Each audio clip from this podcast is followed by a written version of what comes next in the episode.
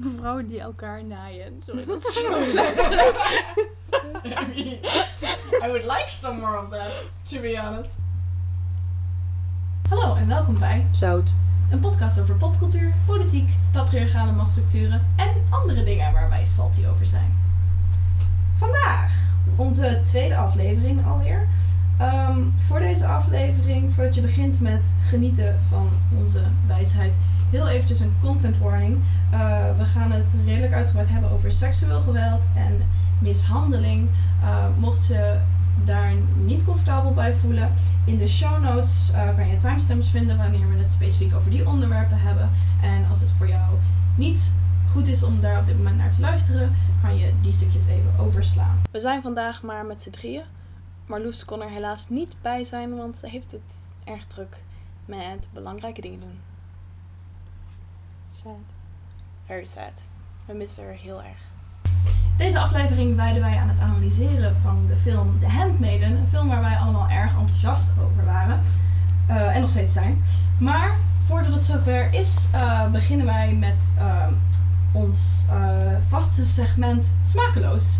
Waarin wij verslag uitbrengen van onze dagelijkse botsingen met het patriarchaat. Floor, vertel. Ja, ik wilde het vandaag heel graag hebben over mannen die vrouwen ongevraagd helpen. Uh, ik, ik kan me daar echt heel erg aan ergeren. Ik heb nu specifiek uh, dat er, ik merk dat er op, op de Unie waar wij zitten, zijn er, hebben ze bij de fietsenstalling een aantal mannen geïnstalleerd. Die zeg maar een beetje in de gaten houden dat alle fietsen een beetje in de rekken worden gezet. Want het is allemaal heel erg chaos en daar. Uh, maar ik merk dus heel erg dat die mannen heel erg geneigd zijn om de meisjes specifiek te helpen bij het wegzetten van hun fiets. En ik word er zelf heel erg kriegelig van. Uh, dat ik echt denk van oké, okay, ja, ik kan zelf wel even ruimte maken. En ook de bena ja, hoe ze ons dan benaderen, heel erg kleinerend. En zo van ik doe dit wel even voor je, want jij onpraktische vrouw. Ik word er heel naar van. En het is niet zeg maar dat ik, dat ik dit, dit, dit komt niet alleen hier vandaan. Ik heb echt zeg maar veel ervaring met mannen die mij maar onpraktisch vinden en me dan even komen vertellen hoe ik dat moet doen. Bijvoorbeeld uh, in het horeca bedrijf waar ik werk. Dat ik zeg maar, weet je wel, dat, dat, dat mannen gaan zeggen van, oh, heb je, wel, heb je wel het lepeltje bij de koffie gelegd en dat soort dingen. Dat zijn echt hele stomme kleine dingen, maar vooral met praktische dingen. Dat ik echt merk dat mannen naar me toe komen en me het even nodig vinden om me uit te leggen hoe ik het moet doen. Terwijl, weet je wel, ik kan het zelf ook wel gewoon. Ik kan zelf wel mijn fiets ertussen proppen. En ik snap dat het fijn is om daar een beetje controle over uit te oefenen, maar het is gewoon echt heel irritant. Ja, het is ook de manier waarop ze je benaderen, denk ik. Ja, ja, ik herken zeker. het wel. Ik heb uh, een tijdje geleden had ik een fotoshoot met uh, het nieuwe bestuur van onze studievereniging. Uh, dat zijn ja, vier conventioneel aantrekkelijke vrouwen, zou ik wel zeggen. En uh, toen we daarmee bezig waren, kwamen er ook zo een paar bouwvakkers die dan zo commentaar kwamen leveren. En ze gingen vragen of ik hun ook op de foto wilde zetten. Maar ze gingen ook ongevraagd uh, ja, eigenlijk regieaanwijzingen roepen naar de mensen die ik aan het fotograferen was. En uh, dat is ook iets wat ik zo vaak meemaak. Wat ook niet, dit keer dan niet specifiek, maar wat ook zo vaak gebeurt, is dat als ik in het openbaar aan het fotograferen ben, dat mannen mij dan gaan uitleggen hoe mijn camera werkt. Even voor de luisteraars die dat niet weten, ik heb vier jaar lang fotografie gestudeerd. Ik heb gewoon een diploma, dus ik ben professioneel fotograaf. En alsnog uh, voelen mannen toch vaak de neiging om mij uit te leggen hoe mijn camera werkt en hoe ik moet fotograferen. Omdat ze ooit wel een keer een fotografiecursus hebben gevolgd op dinsdagavond. Ja, ja het komt echt. Niet in het geval van fotografie, maar zeg maar, het komt echt heel bekend voor. Mannen kunnen het wel even allemaal uitleggen. Ja. En uh, gewoon niet doen. Gewoon niet nee. doen. We kunnen zelf wel. Vrouwen kunnen dingen. We kunnen dingen. Echt ja. waar. We zijn echt capabel. Mm. Ja. ja, het is wel echt een beetje smakeloos. Uh, de film die we vandaag gaan bespreken, The Handmaiden dus, is een film uit 2016 uh, van de regisseur Park Chan-wook. Uh, de film is gebaseerd op een boek Fingersmith van Sarah Waters. Dat is een boek die wij allemaal niet hebben gelezen. Dus we gaan ons focussen op de film. Uh, de film speelt zich af in Korea tijdens de jaren 30, uh, in de periode van de Japanse bezetting. Uh, Suki, een meisje, een Koreaans meisje, wordt ingehuurd als dienstmeid um, voor een Japanse erfgenaam genaamd Hideko. Zij woont samen met haar nogal aparte oom Kuzuki eh, op een groot landgoed. Eh, Suki is een zakkenroller en ze is door een eh, oplichter eh, eigenlijk ingehuurd om ehm, Hideko verliefd te laten worden op hem. Eh, want hij wil eigenlijk er vandoor met, eh, met het fortuin van eh, Hideko. Eh, en daarna wil hij eh, Hideko opsluiten in het gekkenhuis. Alles lijkt volgens plan te verlopen, totdat Suki en eh, Hideko toch onverwacht gevoelens voor elkaar blijken te hebben. Gay. It's very, very gay. Zo gay. So gay. Wij raden de film heel erg aan, je moet hem ook zeker gaan kijken. Eh, maar we geven wel hierbij content warnings voor zelfmoord, seksueel geweld, eh, kindermishandeling en mishandeling. En een hele bloederige martelscène. Toen eh, Johanna en Marloes en ik eh, met z'n drieën de film voor het eerst in de bioscoop eh, hebben gezien, was het wel echt even een rollercoaster van gevoelens. Een gay. Een gay, Gay rollercoaster, feelings and feminism. Ja, ja, toen we het besproken daarna kwam het wel echt... De film is fantastisch, maar de eerste keer dat je hem kijkt, is het wel echt even... Weet je telkens niet zo goed wat je moet voelen erover. Ja, het gaat heel erg heen en weer. Ik wist eigenlijk pas echt wat ik nou van de film vond toen die was afgelopen en we er een tijdje over aan het praten waren. En tijdens de film was het heel erg zo van. we- hè, maar, ik. hè, we- Oeh. hè, Ja. Ja, ha- ik haat het. Oh, dit is echt fantastisch. Nee, ik haat het. Het is Ja. echt zo. Ja. Maar uiteindelijk is het fantastisch. Mocht je de film dus nog niet gezien hebben, ga vooral kijken voordat je de rest van deze aflevering luistert. Want er, ja, er komen gewoon veel spoilers in. En dat is echt super jammer voor je Ja, kijkervaring. dit is echt een film waarover je niet gespoild wil worden. Ja, nee, dat kan niet. Dus eh, eerst kijken. Pauzeer de aflevering, kijk de film en luister dan verder. Yes, you can thank us later. Ja, allereerst willen we het een beetje hebben over de personages in de film. Ehm, om te beginnen de twee hoofdpersonages, dus Suki en eh, Hideko. En hoe die eigenlijk zo'n beetje worden neergezet. Eh, wat ik heel interessant vind, is dat beide personages eigenlijk een soort ja, deconstructie zijn van een bekend archetype. Ehm, ja, daar hebben we het toevallig het laatste college over gehad. Dat je zeg maar het archetype hebt van de sexy saint en de femme fatale. De sexy saint is dan zo'n beetje de onschuldige vrouw, kan niks verkeerd doen. Heel feminien, moederlijk, verzorgend. De Madonna is het ook vaak. Eh, maar die is dan, dan ook wel weer, wordt ook wel weer geërotiseerd. En aan de andere kant heb je de femme fatale, die dus eh, eigenlijk ja, ehm, meer masculin is. Dingen doet die vrouwen niet mogen doen. Onafhankelijk, seksueel actief, eh, crimineel vaak. En die eh, heeft ook, eh, ja, zoals de naam femme fatale zegt, ook meestal een, eh, overleeft meestal niet tot het einde van het verhaal. Ehm, ja, het zijn eigenlijk allebei redelijk misogyne archetypen. En in deze film wordt die echt een beetje op hun kop gezet. Ehm, dus Hideko wordt in het begin een beetje neergezet als de sexy saint. Ze is heel puur en onschuldig en maagdelijk. Ehm, ze lijkt niks over seks te weten. Ze is heel hulpeloos eigenlijk. Ehm, ze slaapt nog met een pop. Eh, ja, allemaal dat soort dingen. En ze is ook, en dat is ook iets wat bij de sexy saint vaak voorkomt, ze is ook uh, ziek, zwak, misselijk. Ze is eh, mentaal instabiel. Ze heeft eigenlijk een verzorgster nodig. En dat is ook eh, onderdeel van het plan natuurlijk om haar uiteindelijk te laten opnemen in het gekkenhuis. En dat is ook zo'n heel bekend eh, archetype van zeg maar de zieke, zwakke vrouw. Ehm, en aan de andere kant heb je dan Suki, die dus eigenlijk wordt neergezet meer als de femme fatale. Want Ze is een crimineel, uh, ze is een con artist, ze is een beetje ook een straatschoffie. Ze kon zo op haar vijfde al zakken rollen en allemaal dat soort dingen. En ze is ook een verleidster. Ze weet al van zichzelf dat ze op vrouwen valt. Ze heeft duidelijk ervaring met het hebben van seks met vrouwen. En uh, ze is nou ja, echt bezig met Hideko te verleiden. Ook al verleidt ze haar in de eerste instantie niet voor zichzelf, maar verleidt ze haar om verliefd te worden op, uh, op de Fujiwara. Ze is wel zo, ja, de seksueel actieve vrouw. Wat interessant is, is dat Soki juist uh, wel ook weer heel verzorgend is. Um, ze ziet bijvoorbeeld Hideko als een soort pop. Uh, ze vindt het heel erg leuk om voor haar te zorgen. Ze zegt ook, ze, ja, ze belichaamt eigenlijk een hele, ja, tussen aanhalingstekens morele versie van uh, femininiteit. Ze is heel moederlijk. Um, dus ze ziet Hideko als een soort pop om mee te spelen.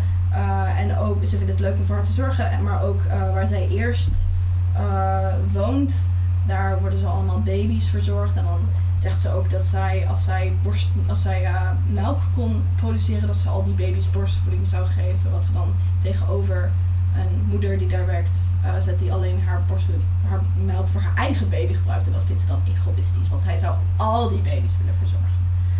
Maar ondertussen is het dus wel een crimineel straatschoffie die in een groot complot van bedrie- bedriegerij en eh intrige zit. Ik vind het ook wel, zeg maar, eh, ze heeft alle kenmerken van een femme fatale, maar tegelijkertijd voelt het ook heel raar om haar zo te noemen, omdat ze wel Ja. heel na, naïef overkomt en heel onschuldig en kinderlijk of zo.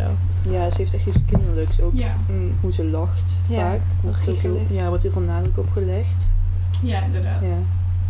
Ja, daarom. Het is ook echt een meer co- deconstructie van een van fataal. Ze gaat ook niet dood. Spoilers! Ah!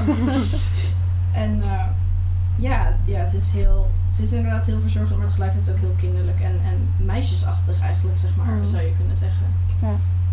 Dat ze eigenlijk gewoon met poppen wil spelen. Die archetype is vooral hoe de personages in de eerste helft, of in het eerste deel van de film, eh, worden neergezet.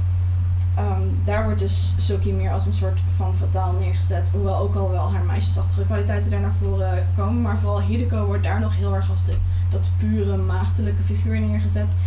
Ehm, maar het tweede deel van de film is vanuit Hideko's perspectief. En daarin zie je dus eigenlijk dat ehm, ja, Hideko en Soki dus... Of dat Hideko dus eigenlijk met Fujiwara eh, in een complot zit om Soki te laten opnemen in eh, de- het gekkenhuis. En dan merk je ook dat in tegenstelling tot ehm Soki's soort van warme, verzorgende femininiteit, belichaamt Hideko een versie van, ehm, van femininiteit die juist heel cool en rationeel is. Ze is juist eh, helemaal niet zo fragiel en breekbaar. Ze is eigenlijk heel. ehm, ja, je, ziet ook haar traumatische verleden en, en hoe dat haar heeft gevormd. Maar ze is eigenlijk veel sterker dan, dan je in het begin verwacht. En ook niet zo eh, onschuldig. Ze weet de hele tijd wat ze aan het doen is. En ze, heeft, ze weet wel gewoon seks. En ze is dus niet dat, dat hele beeld van maagdelijke puurheid. Ja, Suki is eigenlijk een unreliable narrator in het eerste deel. Ja. En je ziet, al, al- je ziet Hideko door haar ogen. En dan in het tweede deel zie je wat, wat Suki dus niet ziet. ja. Eh, ja. ja, zien en gezien worden is een heel groot thema in deze film waar we het later ook nog over gaan hebben. Ehm, maar eerst eh, moeten we het ook hebben over de mannelijke personages in deze film. Want in deze film ook gelijk de antagonisten zijn. Eh, Fujiwara en Kozuki. Ja, ja, de mannen die zijn echt super karikaturaal eigenlijk en oppervlakkig worden die eh, weergegeven. Je hebt, ze zijn echt allebei super gross. Je hebt Fujiwara en die heeft echt een super groot ego. Die, die is echt van overtuigd dat hij de vrouwen kan manipuleren en dat zij gaan doen wat hij wil. En dat hij is ook echt verontwaardigd als vrouwen niet eh, zich aangetrokken voelen tot hem. Eh, en ehm, dan heb je Hideko, nee, hoe heet die? Ko, Kozuki. Kozuki. En die, eh, die is echt gewoon een vieze oude man. Hij wil met zijn nichtje trouwen. En eh, hij zit de hele tijd met, met die pen zo in zijn mond. Dat hij echt van die vieze zwarte lippen heeft. En, hij, heeft eh, een, hij heeft een pornobibliotheek. Ja. en een pornokelder. Ja. Of een, een sekskelder. Een creepy martel of seks. Met, Ja. ja. Ja, je merkt ook heel erg dat je de mannen zeg maar walgelijk moet vinden aan hoe eh, de vrouwelijke personages op hun reageren. Dus bijvoorbeeld als ehm, Fujiwara eh, Hideko aan het versieren is, dan reageert Suki daarop door zeg maar kokhalsgebaren te maken en dat soort Ja. dingen. Dus je, en eh, ja, de ehm Kozuki wordt vanaf het begin van de film al eh, neergezet als iemand die eh, een landverrader is, want hij is een Koreaan, maar hij probeert Japans te zijn. En ook, nou ja, dus hij heeft zo'n sekskelder met allemaal porno en ja, literaire porno waar hij dan zo heel trots op is. En, Maar die eigenlijk ook nep is, want het is ook... eh, ja, het is ook allemaal. Ja, het- ah. hoe heet het? Het is gekopieerd. Ja, hij doet alsof het allemaal van Ja. die unieke oude, oude stukken zijn. Ja, die maar die- ja, hij verzamelt eh, porno manuscripten en ja, hij doet alsof het allemaal origineel is, maar ze zijn Ja. allemaal gekopieerd. En, Ja. Hij, hij, pro- hij profileert zich echt als de wijze, redelijke man. Terwijl hij ondertussen gewoon creepy zit te doen. En, en ja, dat, ze worden op die manier echt belachelijk gemaakt. Maar dat merk je ook pas eigenlijk aan het eind van de film als je erover gaat nadenken. Want ondertussen denk je dus dat zij wel, vooral die Fujiwara, dat hij echt een greep op heeft op, heeft op die vrouwen. Maar aan het eind kom je er dus achter, ja, spoilers, dat dat niet zo is. en dan, eh, dat is echt super satisfying. En vooral als je, ja, we hebben hem dus voor de tweede keer gekeken, dan is dat hilarisch. Ja. ja, de tweede keer is hij nog leuker. Uh, het is ook vooral omdat je. De, de film speelt op die manier ook heel erg met je verwachtingen. Omdat je zo gewend bent dat. Uh, dat, ja, dat mannen toch de overhand hebben in de film. Dus als het daarop lijkt, dan ga je daar gelijk van uit dat dat inderdaad zo is. En dan is het dus heerlijk wanneer dat uh, niet zo blijkt te zijn. Ja, Ja, wat Floor net zei eh, over redelijkheid. En normaal gesproken is het zo dat mannen in de films eh, een beetje de redelijk eh, rationele, nadenkende mensen zijn. Eh, maar deze mannen laten zich heel erg leiden door hun boners en niet zo door hun hersenen.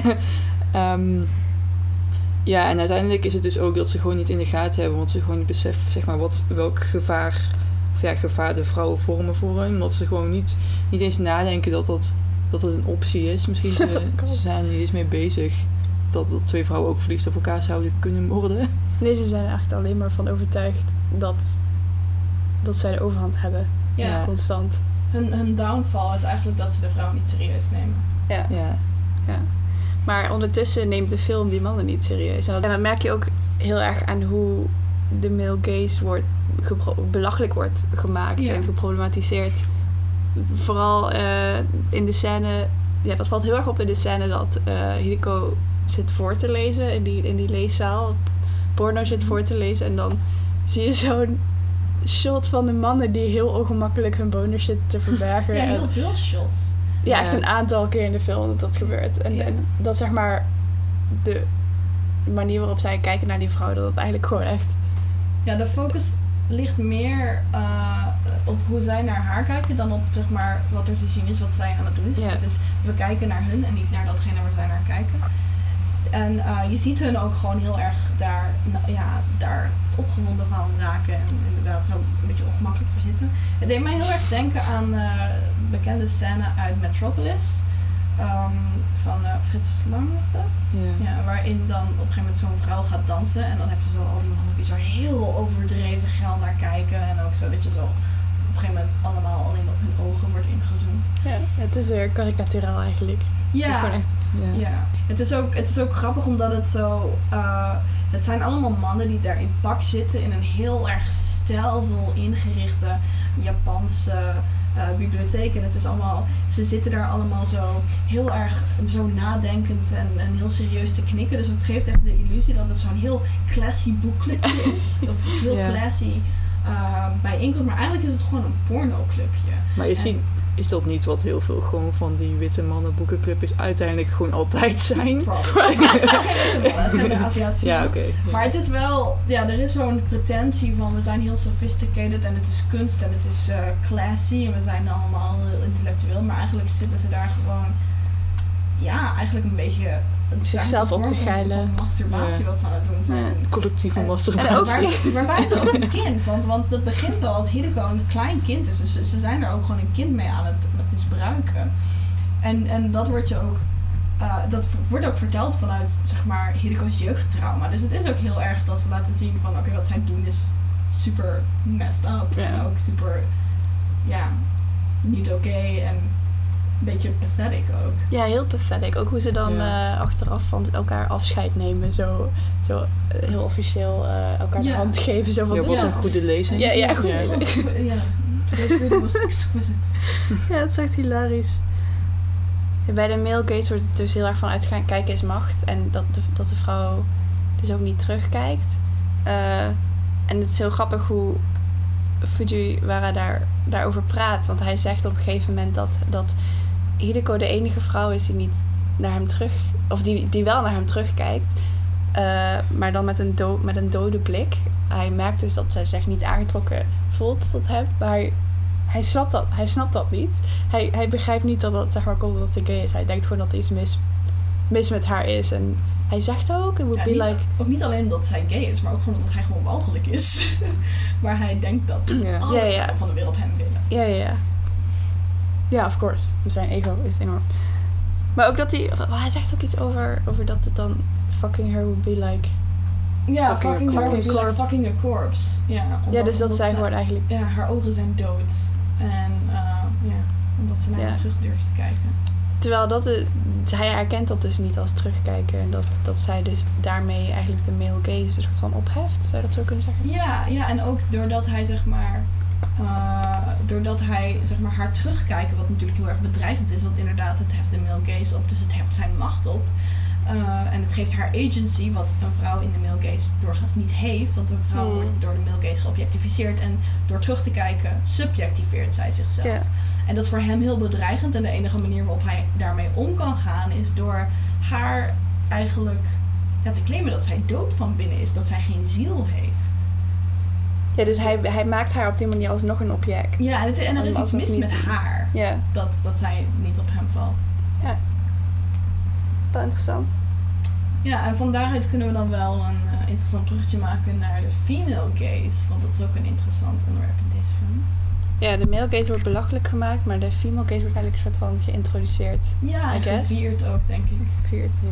Eh, ja, een van de scènes waarin de female gaze een belangrijke rol speelt is eh, de scène waarin Hideko in bad zit. En eh, Suki is haar aan het verzorgen. Ze is haar tand, haar kies aan het veilen. Oh, Ja. bijslijpen. Ja, Ja. Ja, en dan ehm, zie je eigenlijk eh, shots vanuit het point of view van Suki. van, het, zeg maar van het lichaam van Hideko. Onder andere haar borsten en eh, haar mond ook volgens mij veel focus op. Ehm, dus je kijkt heel erg mee vanuit de gaze zeg maar, van Suki. Eh, ja, de, dit is ook zeg maar, dit is de eerste scène waarbij echt duidelijk wordt dat er een seksuele spanning speelt eh, tussen Suki en Hideko. Ehm, en het wordt hier ook duidelijk dat de gaze eigenlijk toebehoort aan degene waarvan de kijker denkt dat hij de overmacht heeft. Dus in het eerste deel ehm, met die botscène is dat Suki.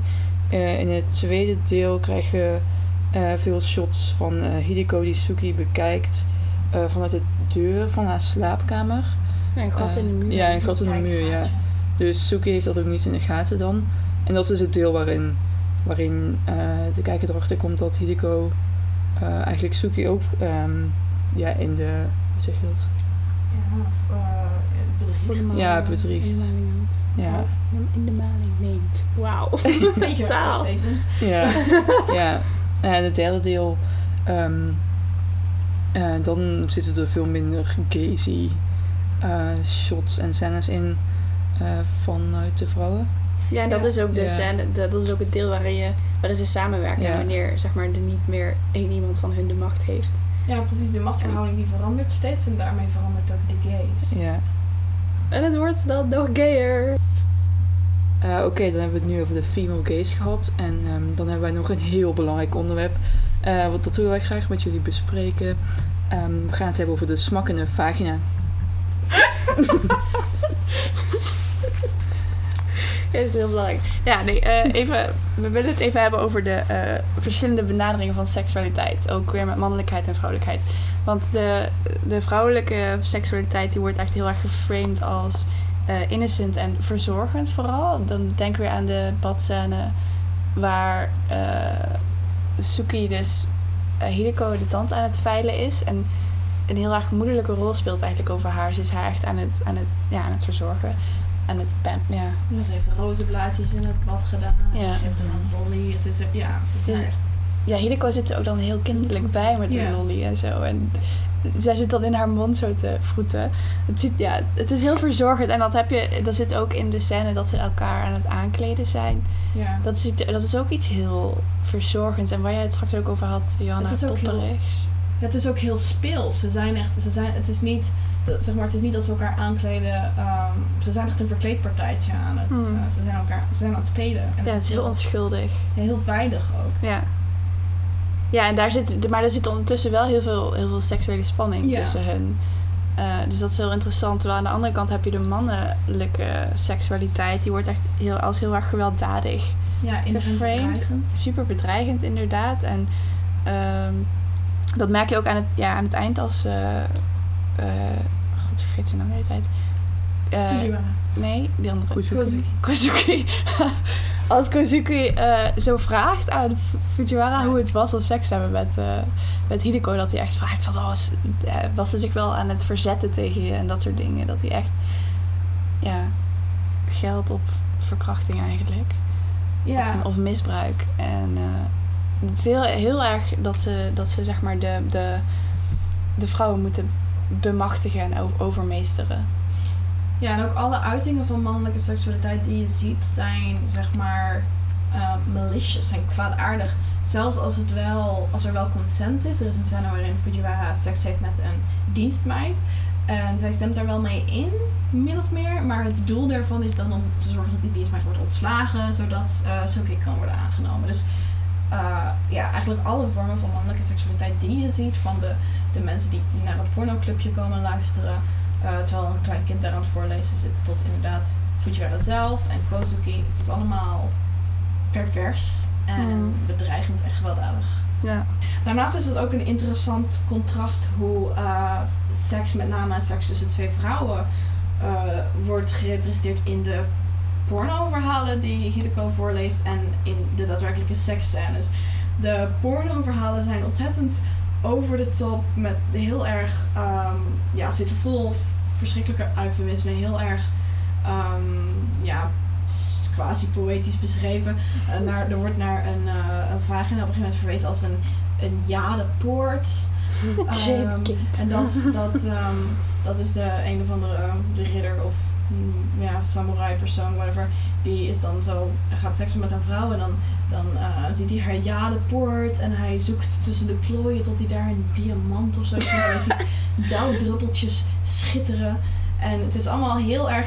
Een, een, een vagina wordt vergeleken met een bloem, met een juweel, uh, met uh, uh, ja, een, een, geheime plaats, een geheime tuin. Het is allemaal heel um, sereen en idyllisch en schoon. Schoon, en glad. Heel schoon en glad. En ze zeggen dat het naar wijn ruikt. En, oh ja, dat ruikt naar, naar wijn inderdaad. En ja, het is allemaal heel erg uh, geïdealiseerd. En dan staat daar tegenover de daadwerkelijke seksscènes die uh, nou ja, een stuk realistischer zijn. Um, en ja, er wordt, niet, er wordt niet een poging gedaan om dat mooier of gladder of uh, ja, uh, schoner te maken dan het is. Het is rommelig, het is zweterig. Je hoort de smakkende geluiden van de vagina's die uh, op allerlei manieren worden um, beroerd.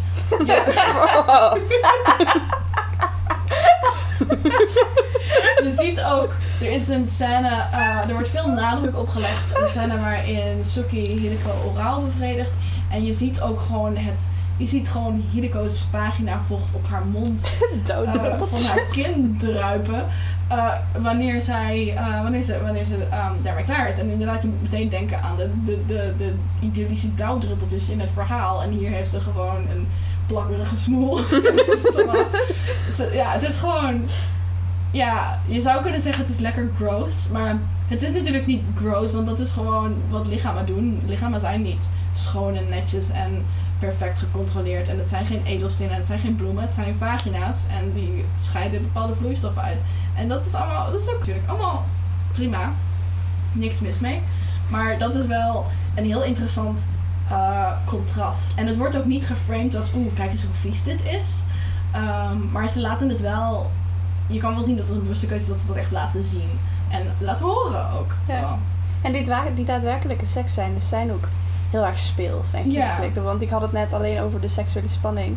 Maar uh, als ze daadwerkelijk seks hebben, dan is het ook het is echt een spelletje. En ze zijn de hele tijd aan het giechelen. En ja. het is echt heel cute bijna. Ja, het is, het is heel erg... Uh, het is niet een zo'n uh, duistere seksscène waarin ook, dat je ook vaak ziet van... Oeh, seks is iets schuldigs, is iets wat niet mag, is iets een verboden vrucht.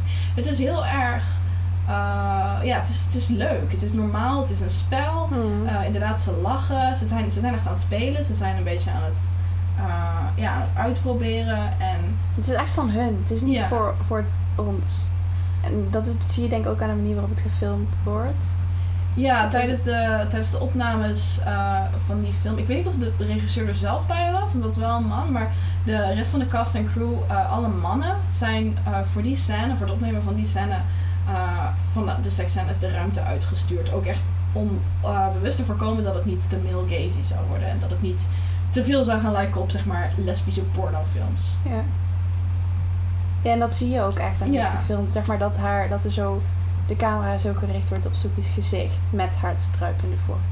Met Ja. haar mond. En dat, zo, dat je ook ziet hoe, hoe zij kijkt en zo. Ik, ik weet niet, Ja. het is heel... Ja. Ehm, ja, zoals we bij de content warnings ook wel aangaven, zitten er wel een aantal scènes met seksueel geweld in de film. Ehm, ja, daar willen we ook wel wat dingen over zeggen. Wat ons opviel was dat in, in deze film eh, de vrouwen niet hulpeloos zijn tegen het, seksueel, het seksuele geweld van de mannelijke personages. Eh, ze schieten elkaar te hulp. En eh, ja, ook veel, ehm, ja, veel di- dingen als verkrachting wordt meestal net voorkomen. En ja, het belangrijkste voor ons denk ik is dat de vrouwen in al die scènes wel hun agency behouden. Er is bijvoorbeeld een scène waarin Fujiwara dus zijn uh, hand op zijn kruis legt. Eh, eigenlijk om haar te intimideren en om te zorgen dat zij eh, gehoorzaamt. Ehm, maar zij wil daar niks van weten. En ja, ze zit natuurlijk met hem in dat complot, dus ze kan ook niet echt onderuit. Maar de scène eindigt wel dat zij haar hand wegtrekt en zegt: Don't you ever put my hand on your tiny joke of a cock again. Echt satisfying is. Dat was, ook, dat, dat was echt een rollerco- rollercoaster ook. Weet ik Ja. nog. De eerste keer, want de eerste dacht ik echt, nee, waarom, weet je wel, waarom zit dit altijd in film? Nou, niet altijd, maar waarom Is dit seksueel, nodig? seksuele intimidatie en dan is het zo een paar seconden later dat ze het zo Ja. super sassy is daarover. En daarnaast is het ook dat zij heeft natuurlijk ermee ingestemd om, eh, om Hideko te manipuleren en om ervoor te, te zorgen dat Hideko verliefd wordt op ehm, Fujiwara. Maar toch, wanneer zij ehm, ziet dat Fujiwara aan het flirten is met Hideko en, en haar zo'n beetje aan het betasten is, wat zij duidelijk niet fijn vindt. En ehm, Fujiwara wil haar wegsturen, zodat hij, nou ja, eigenlijk zodat hij Hideko kan verkrachten. Dat is in ieder geval wat Suki op dat moment denkt. Ehm, dan biedt hij haar geld om weg te gaan en dat neemt ze dan ook niet aan. Want ze heeft dan wel ingestemd met het complot, maar ze gaat niet toelaten dat hij Hideko verkracht. Ze beschermen elkaar. Ze beschermt Ja, Hideko daar al tegen. ja en ook Hideko zelf ehm, ja, beschermt zichzelf ook daartegen. Bijvoorbeeld, er is een scène waarvan je eerst, nou, dat is de huwelijksnacht van Hideko en Fujiwara. En je denkt dus eerst dat eh Fujiwara Hideko daar gaat verkrachten. Dat lijkt onvermijdelijk en dat eh, lijkt in Suki's beleving ook zo te zijn. Maar als je dan Hideko's point of view van die scène krijgt, dan zie je dus dat Hideko eigenlijk gewoon zichzelf aan het bevredigen is. Terwijl Fujiwara daar een beetje zielig zit toe te kijken. En terwijl ze dat aan het Beste zogenaamd heteroseksuele huwelijksdag in film ooit. Ja, want het- je ziet haar, terwijl ze dat ook doet, dat is ook wel interessant in haar relatie tot gays. Want terwijl ze dat doet, is ze ook steeds naar hem aan het kijken. En Ja. eh, ze heeft haar ogen dicht als ze klaarkomt, maar het eerst als haar, zodra ze haar ogen open doet, kijkt ze naar hem. En ze kijkt smug. En het is amazing. en hij is zo gefrustreerd. It's wonderful. It's beautiful. Dus ja, seksueel geweld heeft natuurlijk alles te maken met het, eh, ja, het ontnemen van, ehm, van iemands ownership over zijn of haar eigen lichaam. Eh, en dat is vaak wat er ook in films gebeurt, dat een vrouw wordt verkracht en dat daarmee haar agency wordt ontnomen. En dat is hier ook al zit er best veel seksueel geweld in de film. De vrouwen verliezen nooit hun agency. En het verlengde vooral van eh, wat Johanna net zei over het, te hulp schieten van elkaar. We willen het ook even hebben over community in de, in de film. Eh, dus hoe verhouden de vrouwen elkaar, zich tot elkaar en hoe verzorgen ze elkaar?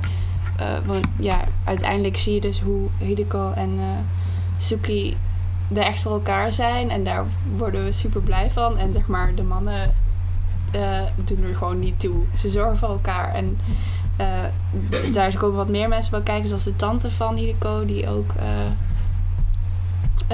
zeg maar verzorgd is naar Hideko toe. En die zijn er ook zeg maar met z'n tweeën om zichzelf te kunnen beschermen, eigenlijk als het ware tegenover eh, de oom, de creepy uncle. Kozuki. Kozuki, dankjewel. Kozuki. En eh, de, de soort van moederfiguur voor ehm Suki die je vooral aan het begin ziet, maar ook halverwege, die zit zeg maar, is betrokken bij het complot. Eh, die is ook een soort van ally. dus dat Ja. is echt een kleine community. Maar daar zit ook nog wel een deel kritiek. Daar heb ik nog wel wat kritiek op, op die film. Want eh, Hideko slaat haar, haar dienstmeisjes op een gegeven moment wel. Om te zorgen dat het plan slaagt. En ook dat ze zeg maar in het complot zit waarbij dat eerste dienstmeisje ontslagen moet worden. Zodat Suki daar kan komen werken. Eh, en dat eh, Fujiwara daardoor met haar naar bed moet gaan. Daar zit, is er ook bij betrokken, waar ik toch wel een beetje teleurgesteld in ben. Want dat is niet echt community. En vrouwen moeten voor elkaar zorgen, dat is belangrijk. Niet feministisch, inderdaad. Dus hoewel de boodschap van de film over het algemeen, nou, mijn, onze mening, heel feministisch is, vind ik dat toch wel een beetje teleurstellend. Dat zeg maar. Er zijn ook vrouwen die nog steeds eh, slachtoffer zijn van. eh, Helaas, geen enkele film is perfect. nee, inderdaad. En daarom is het ook altijd belangrijk om kritisch te blijven naar alles wat je, alle cultuur die je tot je neemt. Zelfs al ben je er heel erg fan van. Mhm. Ja. kan je er altijd wel iets op aanmerken. Ja. Maar dat is wel waar ik, dat is deels waar ik heel erg blij word van deze film. Vooral aan het einde, als ze zo Ja. in de, ja, dat, als ze zo met z'n tweeën in de sunset Mhm. verdwijnen. Zeg maar dat die sense of community tussen twee vrouwen. Ja. Ehm, en maar.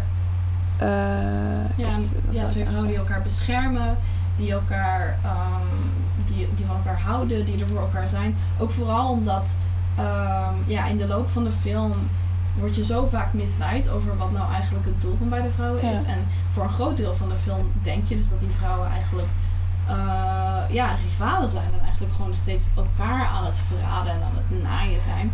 En dat is ook omdat dat, die film speelt op die manier ook met je verwachtingen. Want ja, Hollywood heeft ons ook wel een beetje geleerd dat twee vrouwen in een film waarschijnlijk rivalen zijn en waarschijnlijk eh, vijanden zijn en waarschijnlijk elkaar backstabben en Ja. manipuleren.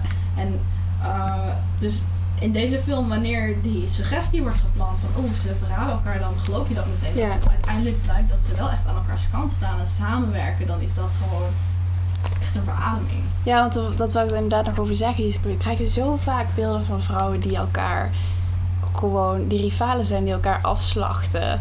En het is zo ontzettend niet, dat is zo cliché. Het En is ook zo saai. het is zo boring. En ook ja, dat ze inderdaad elkaar vechten en vaak ook om een man. Ja. Weet je en hier, hier gaat het gewoon, de mannen worden gewoon links, laten ze gewoon links liggen en ze vertrekken. En dat is heel satisfying, maar niet alle vrouwen worden zo behandeld alsof ze ja. deel uitmaken van de community. En dat vond ik nog wel een beetje jammer. Maar het einde van de film is dan wel weer super satisfying. Oké, eh, dan in het verlengde van eh, community. Eh, op een gegeven moment komt Suki komt erachter wat Hideko eigenlijk moet doen in de bibliotheek van haar oom. De bibliotheek waar alle boeken met pornoscènes staan. Ehm, en onder andere een slang. waar dan dus een hele satisfying scène mee komt. Die slang heeft de oom eerder van gezegd dat dat de, de border of knowledge is. Ehm, waar vrouwen eigenlijk ook niet voorbij mogen komen dus natuurlijk. Ehm, en dan eh, gaan Suki en eh, Hideko naar de bibliotheek en slaat Suki de, het hoofd van de slang eraf. Ehm, en gaan ze daarna alle, alle boeken, die trekken ze eigenlijk uit de kast. Eh, die gooien ze in de vijver. gooien ze vol met inkt. Ja, eigenlijk maken ze alles een beetje kapot.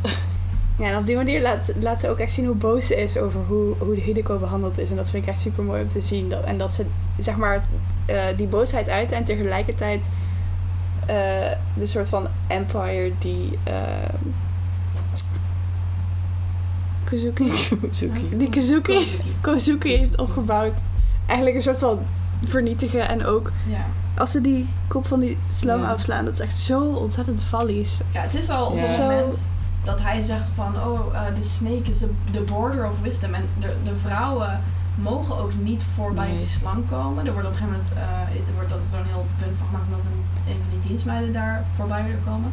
En dus ehm, die bibliotheek is voor mannen. Dat is een ruimte Ja. waarin alleen mannen mogen bestaan. En Hideko bevindt zich in die bibliotheek op het moment dat ze daar voorleest. Maar dan zit ze daar niet als persoon, dan zit ze daar echt als object. Als seksobject. Zelfs als Mhm. klein meisje al. En uh, dus het is echt een ruimte waarin alleen mannen mogen bestaan. En dat wordt dan aangegeven doordat er op de grens een grote vallen staan. Dat is natuurlijk niet anders dan een levende valles. En dus het moment waarop Suki het hoofd van die, vallen, van die slang afstaat, dat, het is gewoon een castratiescène Ja. eigenlijk. Het is echt... Ja. Zo symbolisch.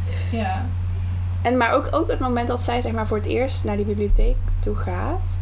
En dat, dan, dat hij het dan over die slang heeft. En dat dat hek dan zo dicht slaat. Dat ze zeg maar eh, niet eh, verder mag. En Ja dat omdat, is- ja, omdat zij als vrouw daar ook geen functie heeft die zeg maar binnen zijn plannetje Ja, precies. past. En daarom mag Hideko daar wel zijn, want zij, zij doet wat hij wil. Maar voor, haar, voor Suki is nog geen rol, dus... ja. Ja, maar, maar Hideko is daar ook als, als object. En Ja. dit is, deze scène is de eerste keer ook dat zij er allebei zijn als subject.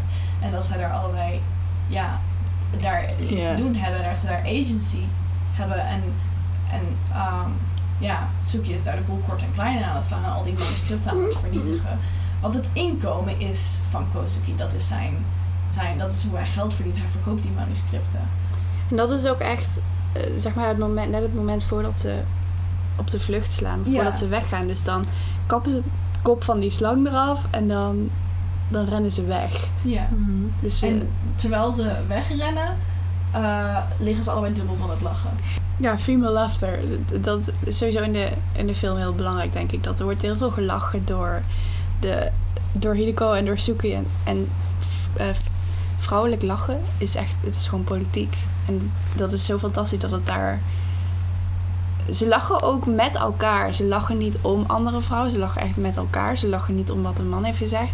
Het is echt eh, heel erg eigen gelach. En dat is zo satisfying om te zien hoe ze met elkaar lachen. En eh, het is ook heel, ik vind het heel belangrijk dat het veel dat het meer gerepresenteerd wordt. En dat, Ja, en het is ook, zeg maar, eigenlijk alle manieren waarop ze lachen zijn op de een of andere manier eh, politiek. Dus je hebt het, zeg maar, ja, eh samenzweerderen, giechelen eh, tijdens de seksscènes. Maar ook dat ze gewoon, ja, heel erg duidelijk die mannen aan het uitlachen zijn. Op die, die, die scène wanneer ze net de, die hele bibliotheek hebben vernietigd. dan zijn ze gewoon die mannen aan het uitlachen. Dan zijn ze die oom aan het uitlachen. En dus dat laat ook, dat wrijft er zo heel erg in eh, dat ze hebben gewonnen. Het, is niet, het laat niet alleen zien dat vrouwen de overhand hebben, maar ze, ze, eh, ze smijten het ook in je gezicht van kijk, zij hebben gelachen, of zij hebben gewonnen, ook aan het einde van de film. Het is, kijk, zij hebben gewonnen en nu eh, gaan ze, now they're riding off into the sunset, terwijl ze dubbel liggen van het lachen. Ja, terwijl, en zij liggen dubbel van het lachen.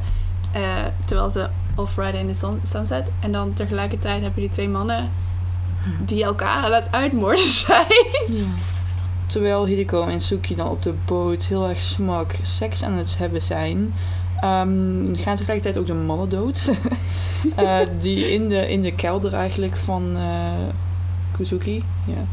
Ehm, ja, en ze vermoorden eigenlijk elkaar. En ehm, ehm, Fujiwara's eh, laatste woorden zei dan eigenlijk ehm, iets van eh, I'm glad I'm still dying with my dick intact. Ja, at least I'm dying with my dick still intact. Ja, dus dat is ook echt het belangrijkste voor, eh, voor hem. Voor hem. Ja, en voor zijn waardigheid. Ja, dat bevestigt echt het hele karikatuur wat we hem Ja. geschetst is in die Ja. film. Het is echt fantastisch. En het is ook heel significant dat, eh, dat Suki en Hideko hun niet vermoorden. Zij vernietigen elkaar en ondertussen zijn Suki en Hideko gewoon smug seks aan het hebben op een boot op weg naar hun nieuwe leven en ze zijn ontsnapt.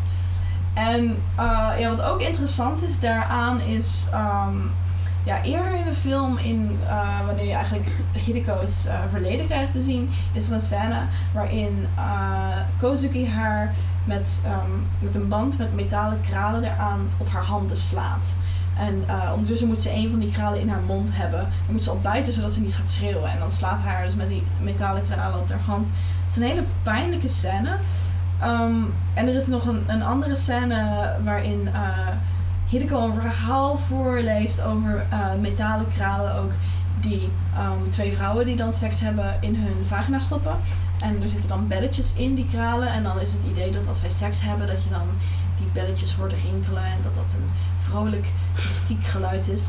Ehm, en in die laatste scène, eh, als dus Fujiwara en Kozuki elkaar hebben vermoord. En Hideko en Suki ondertussen seks aan het hebben zijn op die boot, dan gebruiken ze die metalen kralen uit het verhaal. En die stoppen ze ook eerst in elkaars mond om, nou ja, om, om zeg maar eh, te zorgen dat ze er goed in gaan. en dat, dat is zeg maar ja, iets wat eigenlijk op verschillende manieren, ja, je weet niet precies of het dezelfde kralen zijn waarmee, waarmee eh Hideko wordt geslagen, maar het, het ziet er in ieder geval, het lijkt heel erg op elkaar. En het idee dat ze dan eh, een voorwerp waarmee ze eigenlijk is mishandeld, dat ze dan, dat dan gebruiken voor haar eigen ja, plezier, voor haar eigen eh, genot eigenlijk. En dat ze dat dan ook ja, ge- ge- gebruiken om seks mee te hebben, is ook heel significant, denk ik. En het heeft dus ook als resultaat dat de film eindigt met het geluid van die belletjes. En het heel- giechelen van... ja, eh, en, ja, je hoort hun gegiegel en het, het gerinkel van die belletjes, wat een heel vrolijk en bijna feestelijk geluid is. ja. Als je de rollercoaster uit hebt gezeten... Ja, het is een film die niet alleen, waar niet alleen de vrouwen uiteindelijk overwinnen, maar ook echt de heteroseksuele mannen gewoon echt belachelijk wordt gemaakt. Die film lacht heteroseksuele mannen uit. En I am so here for it. Heteroseksualiteit überhaupt. Ja. It's beautiful. No. No, nog Heteroseksualiteit. De film is beautiful. De film is beautiful. en het feit dat heteroseksualiteit belachelijk wordt gemaakt is beautiful. Zoals je dus waarschijnlijk wel hebt kunnen merken, is deze film echt een favorietje van ons. Ehm, we raden hem dan ook als je wel zo eigenwijs bent geweest om te luisteren en helemaal gespoeld bent over alles. Raden we hem aan om alsnog te kijken, want hij is gewoon fantastisch. Ehm, maar naast The Handmaiden hebben we ook nog wat andere favorieten deze aflevering. En die bespreken we zoals altijd in ons segment Favorites. Yes, als eerste favorite hebben we de podcast Witch Please. Het is eh, een podcast die gerund wordt door twee Canadese eh, vrouwen, Literatuurwetenschap. literatuurwetenschappers. Ehm, Hannah McGregor en Marcel Cosman. Eh, en eh, ze bespreken daarin de Harry Potter boeken en films. eh, vanuit eigenlijk een feministisch oogpunt. Ehm, ik, wij hebben allemaal heel veel van hun geleerd. Echt een groot deel van, van, mijn feminisme komt van hun. Ze hebben me ontzettend wijs gemaakt. En als je van Harry Potter eh, houdt, dan zou ik het echt zeker aanraden. Want het is. Ze bieden dus een, feministische blik op Harry Potter. Ze hebben er ook kritiek op, maar tegelijkertijd zeggen ze ook dat je nog steeds van Harry Potter kunt houden. En ik.